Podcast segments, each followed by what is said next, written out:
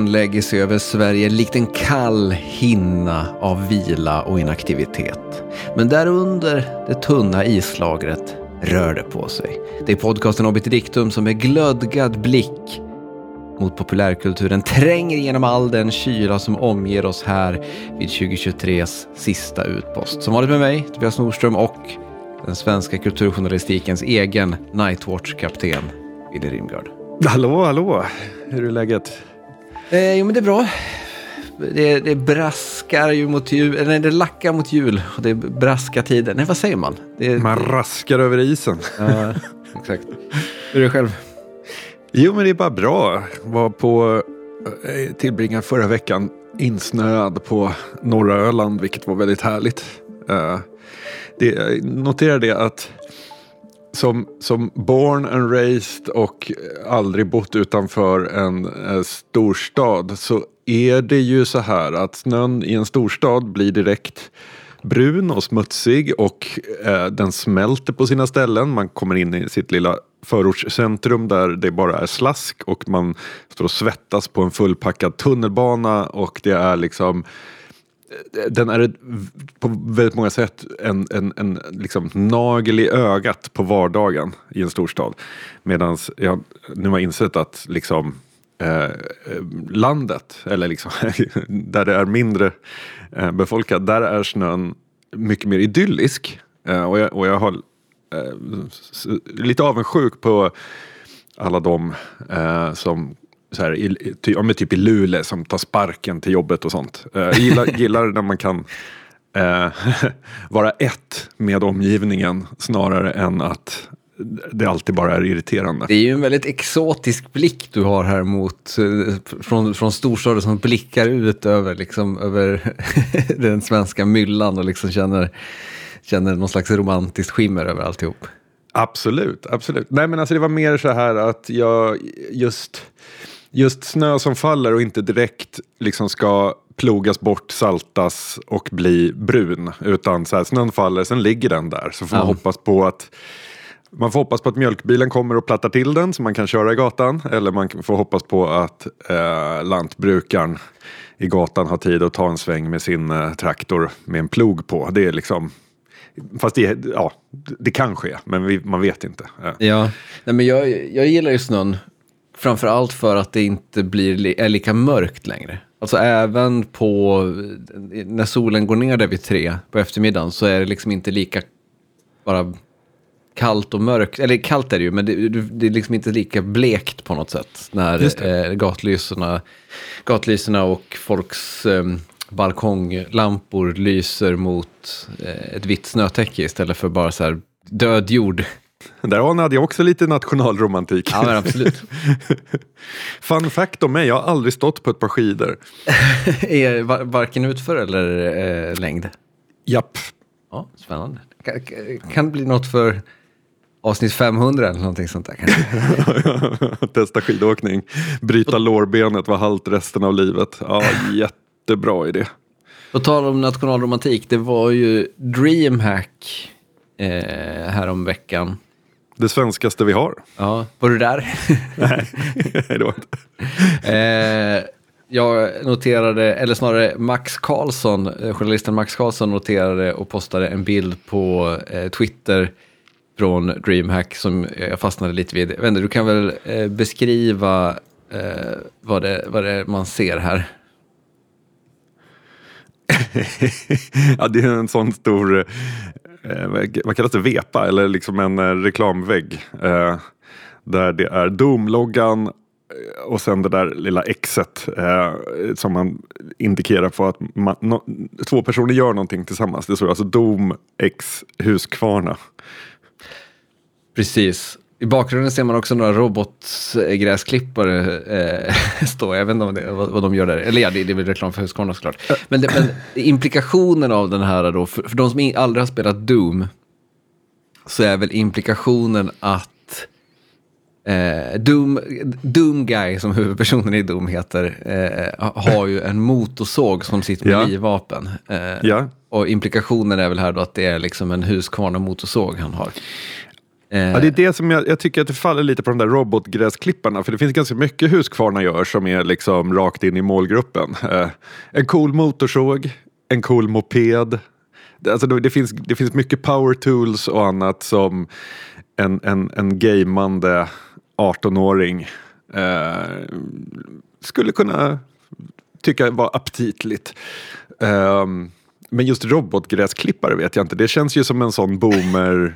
Det är, det är ju föräldragenerationen till de som är på DreamHack som går igång på robotgräsklipparen, eller? Ja, eller så är det bara DreamHack-deltagarna som har blivit gamla.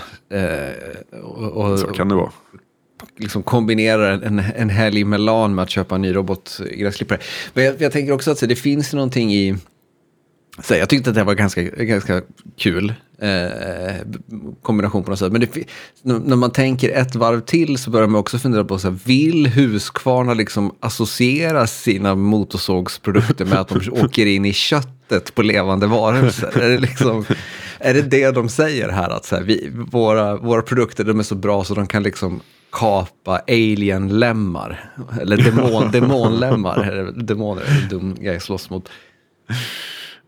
Det, ja exakt, det är en ganska brutal och speciellt om man, om man flashar tillbaka till avsnitt, vad vet jag, kanske 305 eller någonting sånt där, förra året.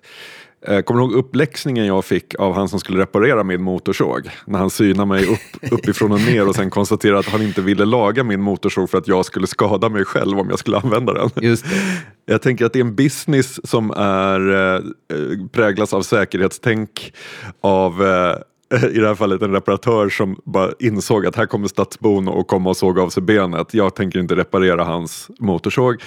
Um, och man måste gå en tre dagars eh, kör, eh, utbildning för att få motorsågskörkort för att få ens få kapa upp ett träd som ligger på marken. Nästa utbildningstillfälle, steg två, då får man lära sig att fälla mindre träd. Eh, så det är ändå en ganska så här hårt, vad ska man säga, reglerad sfär, eh, motorsågsvärlden. Eh, och Rimligt då, ändå, kan jag Det är jätterimligt, det är jätterimligt. Jag respekterar det. Jag respekterar det 100 procent. Jag är glad att, jag inte, att han inte släppte lös mig mer än där. Men eh, när det då är så, det, är ju så här, det här är ju motsvarande att en um, biltillverkare skulle flörta med eh, att eh, kombinera alkoholdrickande och bilkörning på något vis. ja, men lite, lite. Eh, vad heter Bacardi och, och Volvo. Något sånt. Ja, exakt. exakt. Eh, jo, lite så. Men, så, men det man gillar också är ju såklart eh, lokalpatriotismen här. Alltså i och med att DreamHack hålls i Jönköping och Husqvarna är liksom Jönköping så, så ja. finns det ju något, något vackert på något sätt. Verkligen. Nej, men sam samtidigt som så här. Alla företag krigar efter att få, få en liten, eh, liten plats i solen. Och det kan ju gå bättre och det kan gå sämre. Jag tycker inte det går så fruktansvärt dåligt i det här fallet. Men egentligen ska de ju bara hålla sig borta för att det blir ju inte bra. Va? Ja, nej, jag, jag håller med. Jag, jag, jag tyckte det, var lite, det fanns några roliga dimensioner här. Eh, oh ja. Tyckte jag. I like it. Eh, när vi ändå är inne på spelsvängen så kom ju eh, här eh, trailern för eh, Grand Theft Auto 6 eh, som eh, har beskrivits som ett av de mest efterlängtade spelen i historien. typ. Det får man väl ändå uh, säga att det måste vara. Jag tänker att ja. Grand Theft Auto 5 är den mest sålda kulturprodukten i världshistorien. Det mm. säger något. Japp, verkligen.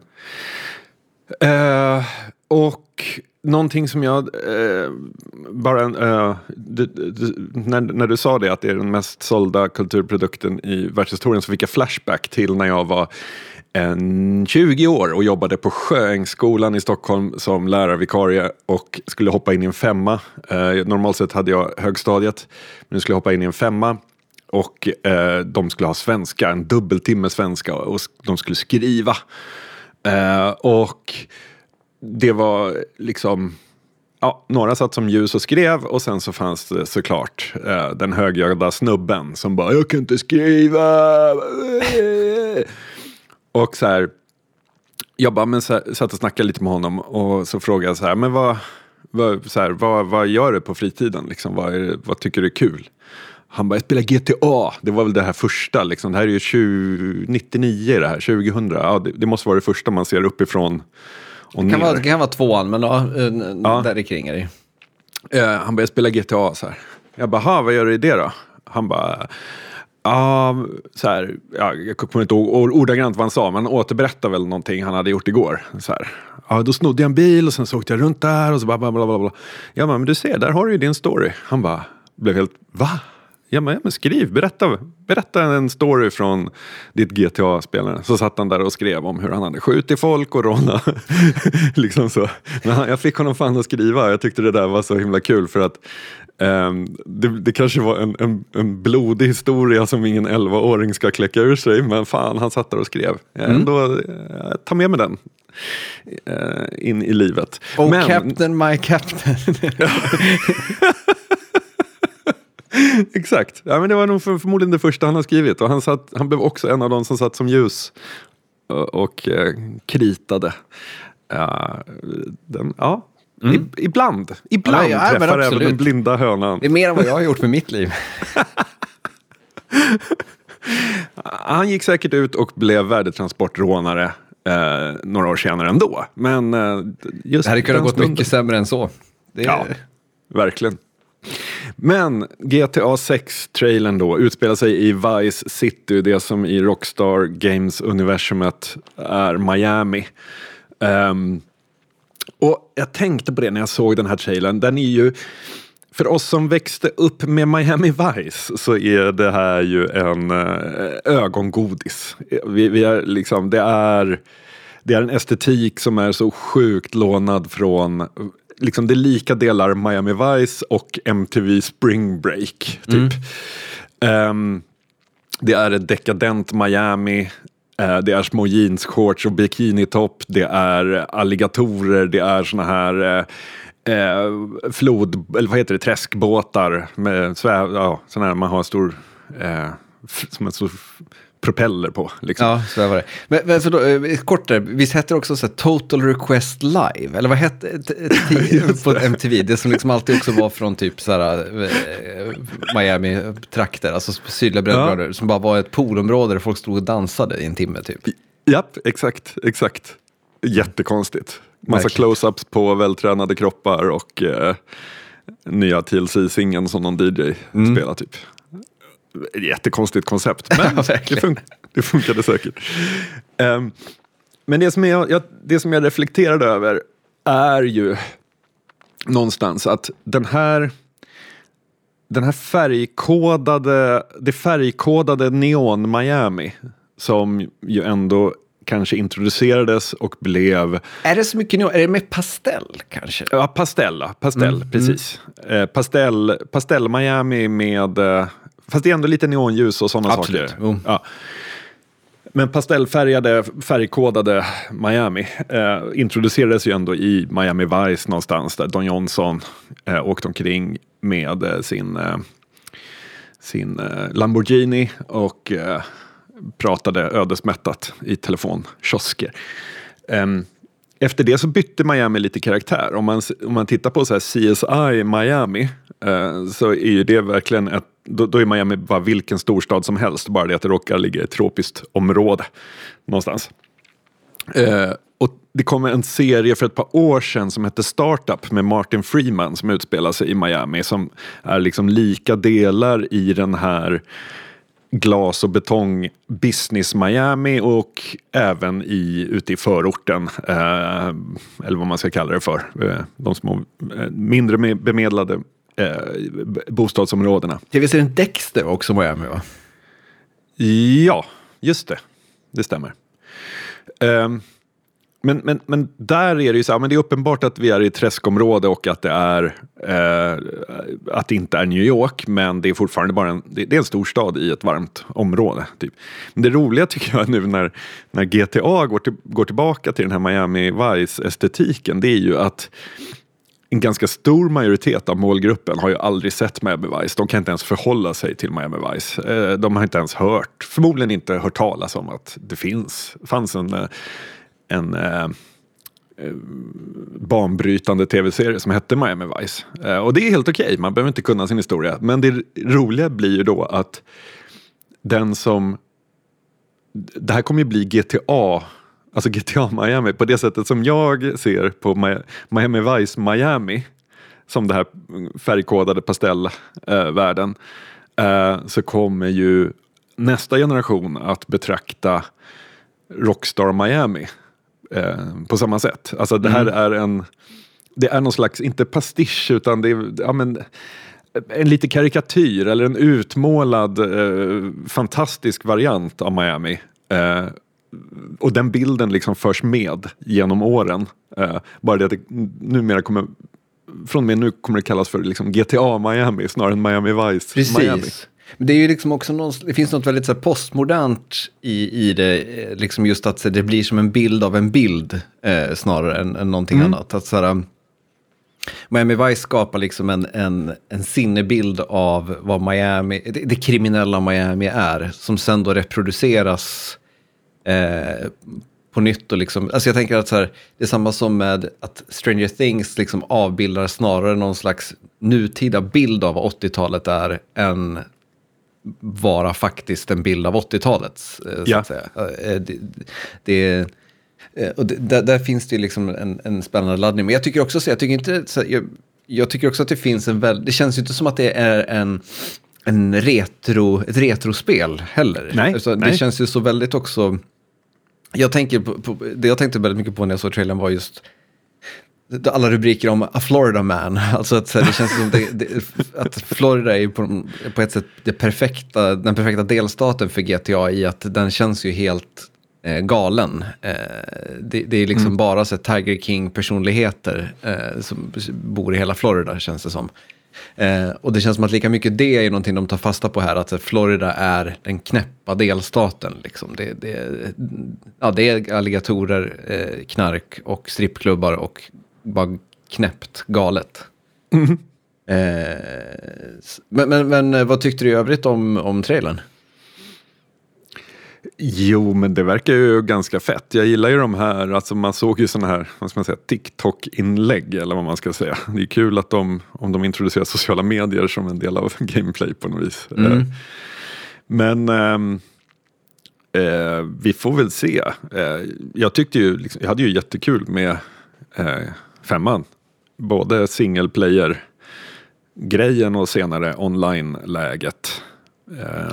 Det känns ju bara rent, det är jättesvårt att döma av den här lilla trailern såklart, men det känns ju som att det finns mer av en story här än, än eh, vad man har upplevt i tidigare GTA-spel. Inte för att det inte har funnits en story i dem, de är, har varit väldigt storydrivna single player-lägena, men det känns ändå som att det är en story som har varit det känns som att det inte har funnits så mycket karaktärsutveckling.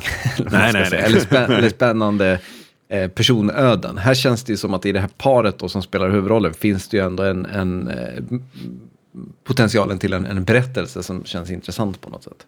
Mm. Man tro att det blir ett Bonnie och, eller vad säger jag, Bonnie och Clyde eller Thelma och Louise-slut? Eh, ja, alltså så här, det första som läckte runt GTA 6 för, för, typ tre år sedan var ju It's a Bonnie and Clyde story. Eh, ja, okay. Så, så att det, det, det stinker väl det lång väg. Ja. På många sätt och vis.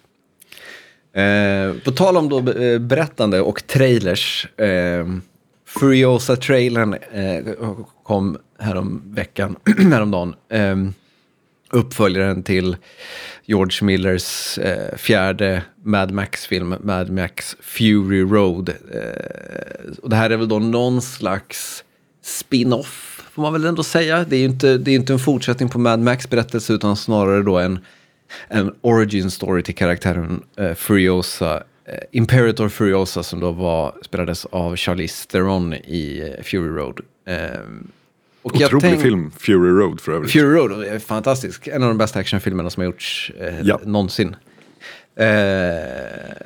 Eh, hela, jag kommer ihåg sen när man såg den på bio. Jag tyckte, så, jag tyckte trailern till Furiosa här såg ganska lökig ut. Men jag minns också att jag tyckte trailern till Fury Road också såg otroligt lökig ut. Jag minns att jag skojade eh, friskt om att det såg ut som så här cirkus cirkör. Eh, och sen när man satte sig där i biografen så var det liksom så här typ i första 35 minuterna av filmen, alltså, av filmen så andades man inte överhuvudtaget för att det bara var sånt jävla hisnande brutalt tempo direkt. Eh, vilket var fantastiskt. Hur som helst Furiosa-trailern här. Eh, vi, kan- vi kan börja i den änden som vi slutade med GTA-trailern. Hur, vad- hur tycker du det här ser ut? Ser det spännande ut? Både och. Ehm, det är klart det ser välgjort ut och eh, kul, men behöver hon ha en backstory? Furiosa. Det är precis det jag också reagerar på på något sätt. Att så här, jag pratade förra avsnittet om ett, ett YouTube-klipp av en YouTube-essayist som eh, kallar sig eh, The Like Stories of Old. Eh, och om autören och eh, Lord of the Rings nämnde jag då. I samma klipp så pratar han om en annan sak eh, som, som jag tycker är väldigt intressant, som känns väldigt signifi- signifikativ för film och tv-berättande idag. Han pratar om ehm, han, han det gör en slags uppdelning i entropic och, och anti-entropic storytelling. Eh, och entropic då, snabb, snabb översättning, det är liksom någonting som blir mer och mer rörigt ju längre det går typ. Eh, och anti-entropic då menar han, det är någonting då som skapar någon slags ordning. Eh, och han menar då att så här, vi har fått mer och mer en, vi har fått mer och mer entropic storytelling, där saker bara så här grenar ut sig i all oändlighet och man har liksom så här, har man inte sett alla tv-serier, alla filmer i någonting så har man ingen aning om vad fan det är som pågår, för att allting är liksom bara ett utbroderat broderat myller. Eh, och så tar han då ett, ett tydligt exempel på vad som han ser som eh, är anti-entropic storytelling. Och så tar han då exemplet i ljussabeln i Star Wars. Att så här, um, första Star Wars-filmen, Luke Skywalker hittar en ljussabel. Eh, ben Kenobi säger någonting i stil med att ett elegant vapen för en enklare tid. Typ. Eh, och att han då pratade, den här youtubern då om att, så här, i, att ljussabeln är liksom perfekt som ett storytelling device för att den rymmer så otroligt mycket mening. Den, den liksom så här, eh, den är, men som, som Ben Kenobi säger, det är liksom ett, ett sofistikerat sätt att slåss. Eh, det är liksom närstrid, det är eh, akrobatiska eller liksom graciösa rörelser. Det, det är något som knyter an till ett arv med svärd utanför hela det här filmuniversumet samtidigt som det då skapar något slags modernt med, med lasern. Eh, du har liksom hela grejen med olika färger. Du har att det här är jedi-krigarnas vapen. Alltså, he- en ljussabel berättar liksom om ett helt universum eh, utan att behöva förklara någonting i princip. Och att det då är liksom anti-entropic för att det skapar någon slags ordning. Här är, här är jedi, krig- en jedi. Jedin slåss med ett ljussvärd. Det säger jättemycket om vem, vilka jedi-krigarna är liksom. Utan att man behöver då dra en lång origin story eller massa, massa sådana saker. Och att det jag tänkte då med Furiosa-trailern var att det gör ju på många sätt liksom motsatsen. Och att det här känns så himla symptomatiskt för idag. Att så här, det som, en sak som var otroligt bra i Fury Road var att eh, dialogen och massa grejer i filmen var just packade med den här typen av mening och saker som säger någonting utan att säga någonting eh, om, om världen.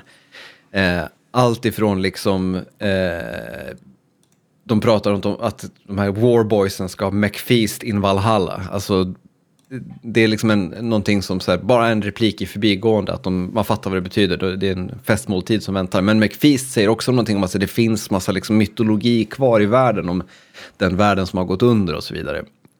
Och när man då gör en sån här typ av spin-off som Frios är, så, som, precis som det du är inne på, så finns det ju sån otrolig risk att man dödar allt det där genom att bara brodera ut det.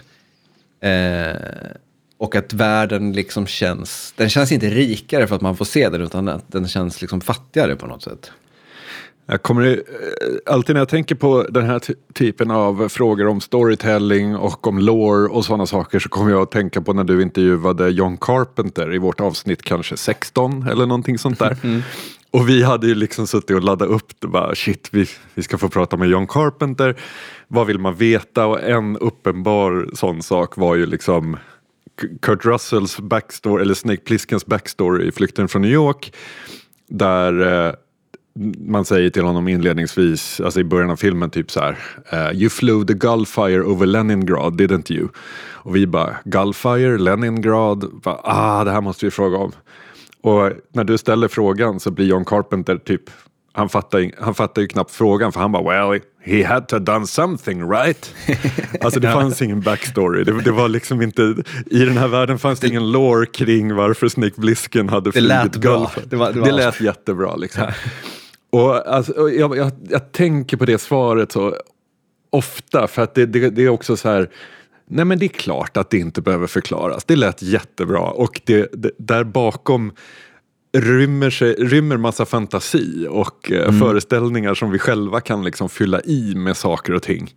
Um, så vissa saker ska man inte borra för djupt i. De är, de är så bra i uh, ja, så, jag, jag, tänker på det ibland med så här. Ja, men också bara så här, så du är inne på något jätteviktigt. Att du låter liksom tittaren eller läsaren eller vad det nu än är göra jobbet. Och det mm. skapar mening eh, och en bra känsla hos den som är publik. Eh, inte för att vi vill veta exakt vad Flew Gulf över Leningrad är. Utan för att vi får en förståelse och känner som att vi, eh, ja, vi har en, ett grepp om vad det här är, trots att vi inte har det så att säga.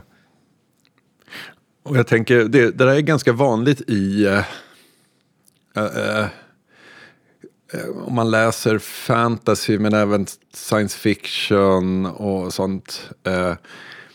att det finns någon referens till någonting sånt där okänt. Det, det, det, är någon, det är någonting som bara är på ett visst sätt. Jag läste ju den här Lies of Loch Lamora som du mm. tipsade om i din. Och de har ju Eh, eh, gatorna upplysta med, vad heter det, inte false light utan eh, Alltså det, ja. det, är någon form av glas som, mm. som eh, när det blir mörkt så lyser det här glaset.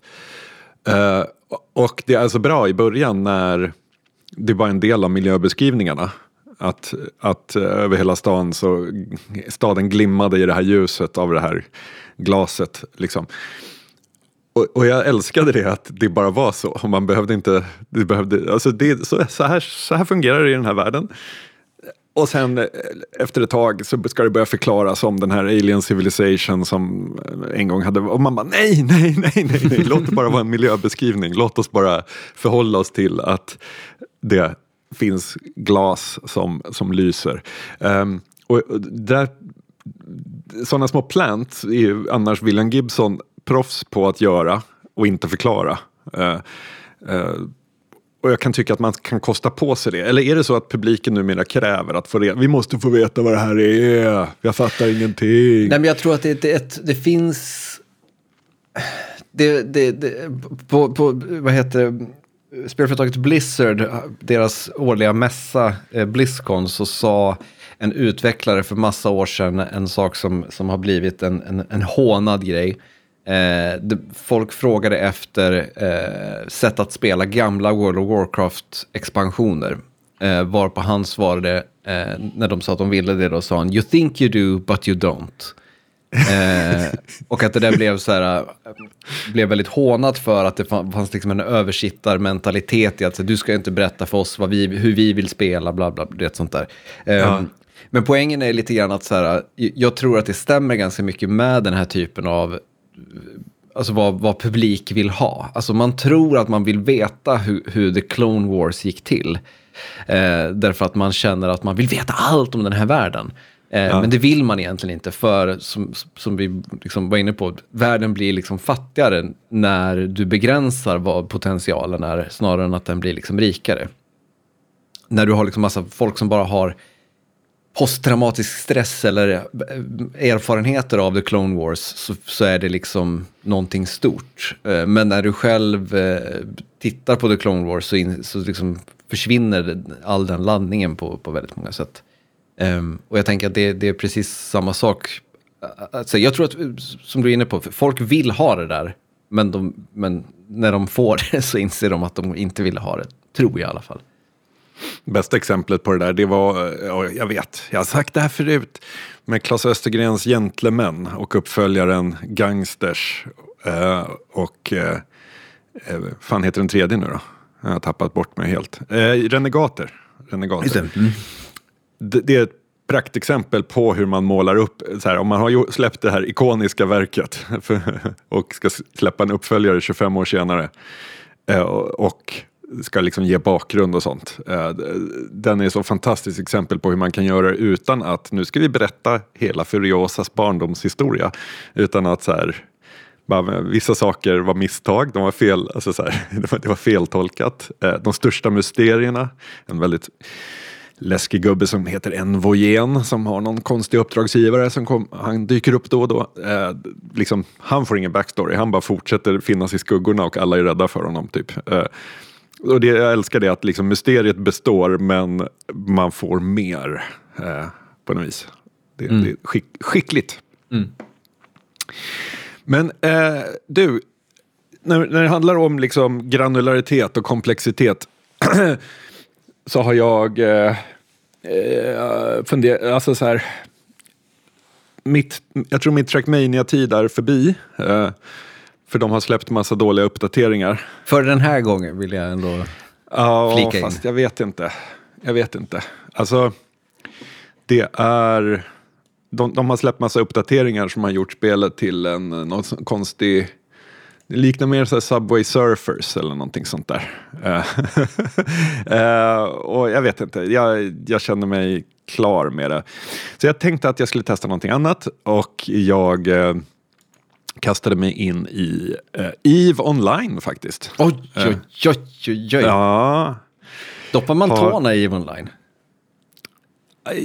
Du, ja, man blir ganska fort hooked kan jag ju meddela. Ah, okej. Mm. Kul. Ja, men jag har väl en 30 timmar i det eller någonting. Det är inte mycket, men eh, jag, eh, jag har börjat, eh, jag har börjat eh, göra min grej där. Men då är det så här att med, om man säger så här, det som tilltalade mig väldigt mycket med, med, med Trackmania, eh, det, det var ju den totala enkelheten i att så här, du kan, du kan gasa, eh, du kan eh, bromsa, du kan styra. Ehm, och det är det. Eh, och den här totala tillfredsställelsen när man efter att ha suttit och grindat en och samma karta i fyra timmar till slut sätter den där tiden som man bara trodde man aldrig skulle nå upp till därför att man har liksom övat varenda sväng och sånt. Eh, och och liksom gjort, hittat en perfektion i hur man utförde det och sen plötsligt så hade man en run där alla, alla moment blev optimalt gjorda. Eh, den tillfredsställelsen, den baserades ju i en ganska enkel grej. Eh, alltså så här, det handlade bara om att göra samma sak om och om, om igen tills man blev bättre på den. Och till slut fick man ett kvitto på att man hade blivit bättre på det. Det jag känner med så här, EVE Online, det är att man öppnar, det är ett enormt GUI, såklart, menyer, skillträd. Eh, Det är ett oändligt universum. Det är, eh, alltså det är så mycket. Det är så otroligt, otroligt mycket. Och jag vet faktiskt inte, alltså så jag tycker EVE Online är kul hittills. Men jag vet inte om den här komplexiteten är för mig. För när man hela tiden måste sitta och googla hur saker funkar. Bara, ah, vad, vad är det här? En uppgradering till min mining laser. Vil, vilken typ av mining laser gäller den uppgraderingen för? Gäller den alla typer av asteroider eller är det bara vissa som jag Alltså så här, det, när det är den typen av komplexitet, det är liksom en helt annan upplevelse för mig eh, kontra att vänta nu, om jag tar den här kurvan lite djupare då så får jag en bättre linje till det här hoppet och då tjänar jag punkt en sekund. Eh, eh, och det där är, det, så här, det går att argumentera för att så här, det är högre svårighetsgrad på Trackmania. För man, man kommer ju igång, man kommer igång fort, fortare med att hålla på och mina asteroider och lite sånt där i ett EVE-universum än man liksom kommer igång att sätta bra tider i Trackmania. Ehm, men jag vet inte, det som, det är som, det som så här Counter-Strike tänker jag att grundidén är superenkel. Vi är fem, de är fem. eh, vem vinner? Och det är en liten karta, det finns inte så jävla mycket rörliga delar. Utan det är så här, ja, här kan det gå, här kan det gå. Eh, det är väldigt tydligt, det är som, det är som schack. Eh, medans den här typen av spel är ju mer som ett sånt här brädspel som tar tre timmar att sätta upp och fyra timmar att spela. Det är liksom en helt annan eh, upplevelse. Och jag vet Men det- inte. Men det är väl också just det att så här, allting blir mindre konkret. Eh, och det är väl det som på något sätt är också frustrerande. Min upplevelse med den typen av liksom stora komplexa spel, eh, eller för den sakens skull berättelser, är ju att det är som att man har en väldigt, väldigt lång kurva tills man når en platå. Och när man liksom når den där platån, det är först då man liksom kan avgöra om det här är för mig eller om det här inte är för mig. Därför att så här, innan, innan så lär man sig bara att, att liksom förstå vad är grunderna i det här egentligen. Alltså, jag har ju spelat väldigt mycket ett, ett spel som heter Path of Exile exempelvis. Och det är ju sådär, då är det liksom så här, för, att ha liksom grepp om grunderna så är det liksom 100 timmar spel. Eh, och sen först då kan du liksom börja utforska komplexiteten inom citationstecken. Alltså, Och jag, jag har upplevt väldigt mycket samma sak då, när jag har spelat Grand Strategy-spel. Att så här, det är liksom först, eh, först liksom 50 timmar av att lära sig göra de enkla sakerna. Eh, och sen då kan man liksom börja utforska vad spelet egentligen är på något sätt. Och först då börja hitta, vad är det jag gillar att göra här? Vad är det som liksom jag går igång på i, i, i det här? Och, och hittar man sånt så är man oftast hooked i, då, är det, då har man liksom tusen timmar till utan problem. Eh, men hittar man inte de där sakerna då känns det liksom lite bort, bortkastat på något vis. Men, det är, men som du säger, det är just den där grejen med att så här, tills man liksom inte behöver googla allting så är det liksom ganska... Eh, det liksom kan vara kul och utmanande men det är också ganska frustrerande i att så här, typ, man, man känner aldrig den där kroken bita riktigt. Eh, utan det är först när liksom något, saker börjar komma på plats lite grann som man, eh, som man liksom... Eh, som man börjar känna om det här är eh, det man vill att det ska vara. Och sätter man så här spelkontrollen i händerna på någon och ska be dem spela Trackmania för första gången. Såvida det inte är en liksom svår bana så kommer de ju ta sig i mål. Eh, på så här en minut och 20 sekunder. När världsrekordet är 19 sekunder. Eh, men nästa gång de kör, då kommer de köra på en minut och 10 sekunder.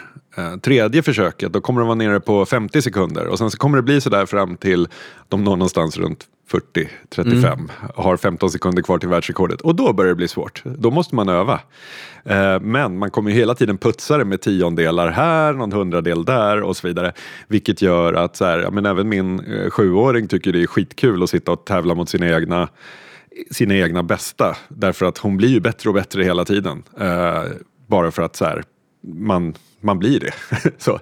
Och den där känslan infinner sig ju inte alls när det är spel på den här storleken. Eh, för att det finns liksom inget... Nej, alltså, jag tror inte de är tänkta liksom att vara utmanande på samma sätt heller. Det finns liksom ingen...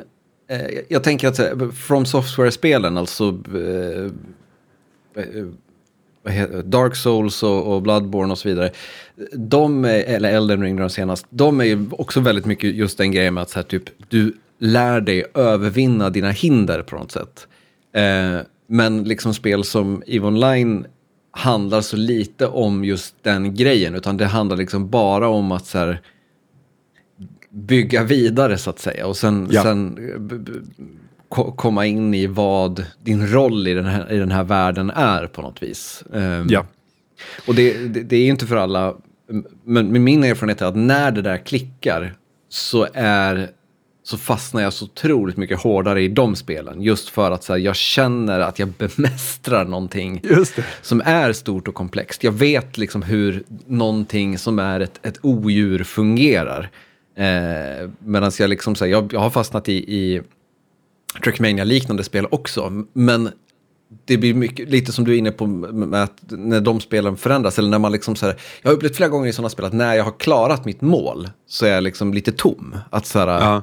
ja, då, så här, då måste liksom så här, jag måste snabbt då hitta ett nytt projekt eller nytt, en ny utmaning. Annars så liksom vill jag bara lägga bort det liksom på något sätt. Medan då i online-liknande spel, där bara så här sugs jag längre och längre, djupare och djupare in i ett svart hål på något sätt. Ja. ja vi får se. Uh, än så länge tycker jag att det är kul. Jag förstår ju att det här är ett socialt spel så att man förr eller senare måste börja ha kontakt med andra människor. Då kommer jag förmodligen checka ut eftersom jag inte gillar människor. Säg inte det. Det, jag, det är liksom det här, jag förutspår att du om några år åker på liksom diplomatmöten på Island. Ja, det är väl också det, alltså det, det kan, det, är, det, är det mer värdigt att göra det än att åka upp till Nordnorge på Trackmania Meet? Jag vet inte, jag tror inte det. Nej, det är väl, det är väl samma, men, men vad heter det? Jag gillar alltså jag har gjort några EVE Online-dokumentärer, jag gillar liksom just den tanken på det metaspelet som blir ett sånt stort omfattande socialt spel i att så här, det var en, en person jag intervjuade till en dokumentär som heter Erith som pratade om att så här, grejen, att när man spelar metaspelet så slutar liksom aldrig spelet. Utan då, då liksom har du ju kontakt med människor eh, utanför, alltså på mobilen typ. Alltså du, du, vet, du, du sitter på jobbet och spelar EVE Online genom att prata på en Discord-server eller smsa med någon som spelar EVE Online och göra liksom deals, göra uppgörelser, sluta allianser. alltså att det, du får det lagret på din vardag och att det liksom, pratade han om som någonting som var liksom djupt, djupt beroendeframkallande. Att så här, någon ringer och väcker dig mitt i natten för att en allians är bruten in i det här spelet du spelar. Det är ju liksom en, en, en kittlande grej på något sätt. Verkligen. Och från eh, rymdallianser till rymdberättelser eh, så ska vi ta och runda av veckans podd med den näst sista installationen av novellcirkeln. Eh, det ska bli spännande nästa, nästa novellcirkel att göra någon slags lite mer övergripande eh, sammanfattning av vad det här har varit. Eh, för det, har varit, det känns som att det har varit både sött och salt. ja men verkligen, verkligen. Till då näst sista eh, novellcirkeln så har vi då, eh, jag ska säga då för de som inte har hört förut, vi, vi läser The Far Reaches Series som är då eh, sju stycken, nej, eh, sex stycken eh, noveller utgivna av Amazon med eh, ett antal ganska framstående science fiction-författare av samtida sci-fi-litteratur. Um, och till idag då så har vi läst Just Out of Jupiter's Reach av Nenedi och Korafor. Um, ehm, vill du dra någon slags kort synopsis för den här uh, novellen? Det ska göras en... Um, det, det, det, sker en... Man kan ansöka uh, på jorden för att resa ut tillsammans med ett slags, vad ska man säga, uh, medvetet skepp, eller sentient chip de ska placera, jag kommer inte ihåg hur många de är nu, är de 20 stycken? Ehm, sju. Sju stycken. Eh, sju eh, deltagare eller sju frivilliga ska placeras i sju olika sådana här medvetna skepp och skickas ut på tio år av utforskning. och det ger bra flis i kassan. Och vår huvudperson är en av dem som har blivit uttagna. Och jag förstår, det är roligt i introt när hon säger, pratar om hur hon inte förstod hur det kunde bli hon. För hon bara, jag har inga sociala medieföljare, jag har inte, alltså så här, det verkar också ha varit ett man kan tänka sig att det var en och annan Mr Beast person då som, som sökte till detta. Eh, så det, det, den är väldigt rotad i någon slags Eh, sam, eh, ja, från vår tid, hur, alltså vad, vad, som kvalificerar folk för att delta i saker och sånt. Mm. Eh, men det, det, det, ja nej fortsätt. Ja, nej, nej, nej. Jo, men det, det ska jag säga, det känns, för det känns som att huvud, utgångspunkten här är ju på något sätt att så här, mänskligheten har gjort ett, ett, ett genombrott i att föda upp de här eh, levande skeppen helt enkelt. Det är liksom de som nu möjliggör eh, att vi kan resa i rymden på ett helt nytt sätt. Men att själva grejen är att de då, skeppen funkar bara tillsammans med någon som är eh, genetiskt och biologiskt kompatibel. Och det är därför det. det liksom bara är ett, få, ett fåtal eh, utvalda. Och att då de här fåtal utgivna, eller eh, fåtal utvalda blir ju liksom vilka som helst. Alltså just i att så här, det, det är biologin och genetiken som som spelar in, inte liksom någon slags färdigheter eller erfarenhet eller kompetens eller motsatsen till meritokrati på något sätt. Och eh, vår huvudperson kommer från en liten by i Nigeria tror jag. Mm. Eh, Eller hon kommer från en stad i Nigeria. Eh, Just det, hennes familj bor... Ja. Ja. Eh, och sen kan man väl säga då att själva liksom huvuddelen av den här novellen upptas då av ett möte mellan de här sju som har då visat sig vara kompatibla med de här skeppen. För företaget då som har odlat fram de här eh, skeppen har eh, satt upp olika regler för den här eh, odyssén de är ute på och gör research om vårt solsystem och om eh, rymden. Eh, där då de här sju personerna bara får träffas en gång eh, under de här åren de är ute för att på något sätt skydda forskningen för att inte den ska bli kontaminerad på något sätt. Det är lite oklart exakt var, varför det skulle vara ett problem att de har massa kontakt med varandra. Eh, men så att det, är liksom så här, det, det, det, det finns liksom en backdrop här som är väldigt så utforskandet av the final frontier. Men, men att så här, i fokus finns ändå ett väldigt, väldigt så här, mänskliga möten på något sätt. Eh, eh, och det, det tänkte jag liksom, det tänker jag är den här, eh, det, alltså den, den här, det känns som att den här berättelsen är mer intresserad av frågor om isolation, gemenskap, tillhörighet än vad den är om hur vi utforskar rymden. Eller vad säger du? Verkligen, så är det. Så är det. Och det är på många sätt talande tycker jag, för många av de här eh, novellerna vi har läst, att de har väldigt mycket utgått från, vad ska man säga, mänskliga behov och människans varande. Snarare än Eh, Ja, det har varit några som har varit liksom har, eller nej, har det det? Den första vi läste där de eh, liksom hade den här lådan som kopierade folk ut i, till olika eh, eller låda va, maskin kanske man ska säga. Kolla vi har en låda. Eh, som kopierade folk med deras brister och allting eh, till avlägsna platser för att bygga kolonier och sånt.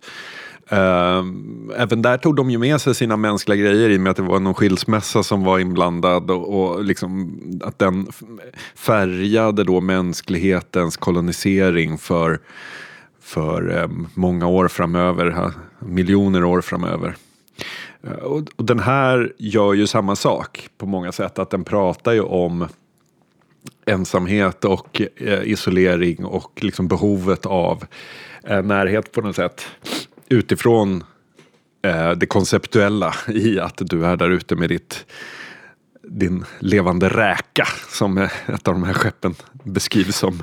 Ja, och jag tänker att det där är liksom någonting som som är, det är ju en, en, en intressant aspekt just att så här, eh, mänsklighet kontra rymden. För att det är ju som att så här, vi har ju byggt vårt rymdutforskande genom att skicka människor som typ inte är människor. Alltså vi, vi har liksom valt ut fysiska och psykologiska praktexemplar som liksom är eh, utvalda för att de inte kommer crack under pressure och liksom kunna utföra eh, liksom vad som helst. När liksom, sanningen är att om vi ska ut i rymden så kommer det ju präglas väldigt mycket av vår sociala och kulturella förståelse av vilka vi är. Det kommer ju liksom vara konflikter, det kommer vara, eh, liksom, ja, men allt det, det kladdiga som är att vara människa kommer ju liksom följa med oss ut. Eh, och det, det är ju, jag förstår att det är liksom en, en trend inom science fiction för att det är ju någonting som man som vi historiskt sett liksom inte har hållit på supermycket med inom science fiction. Alltså,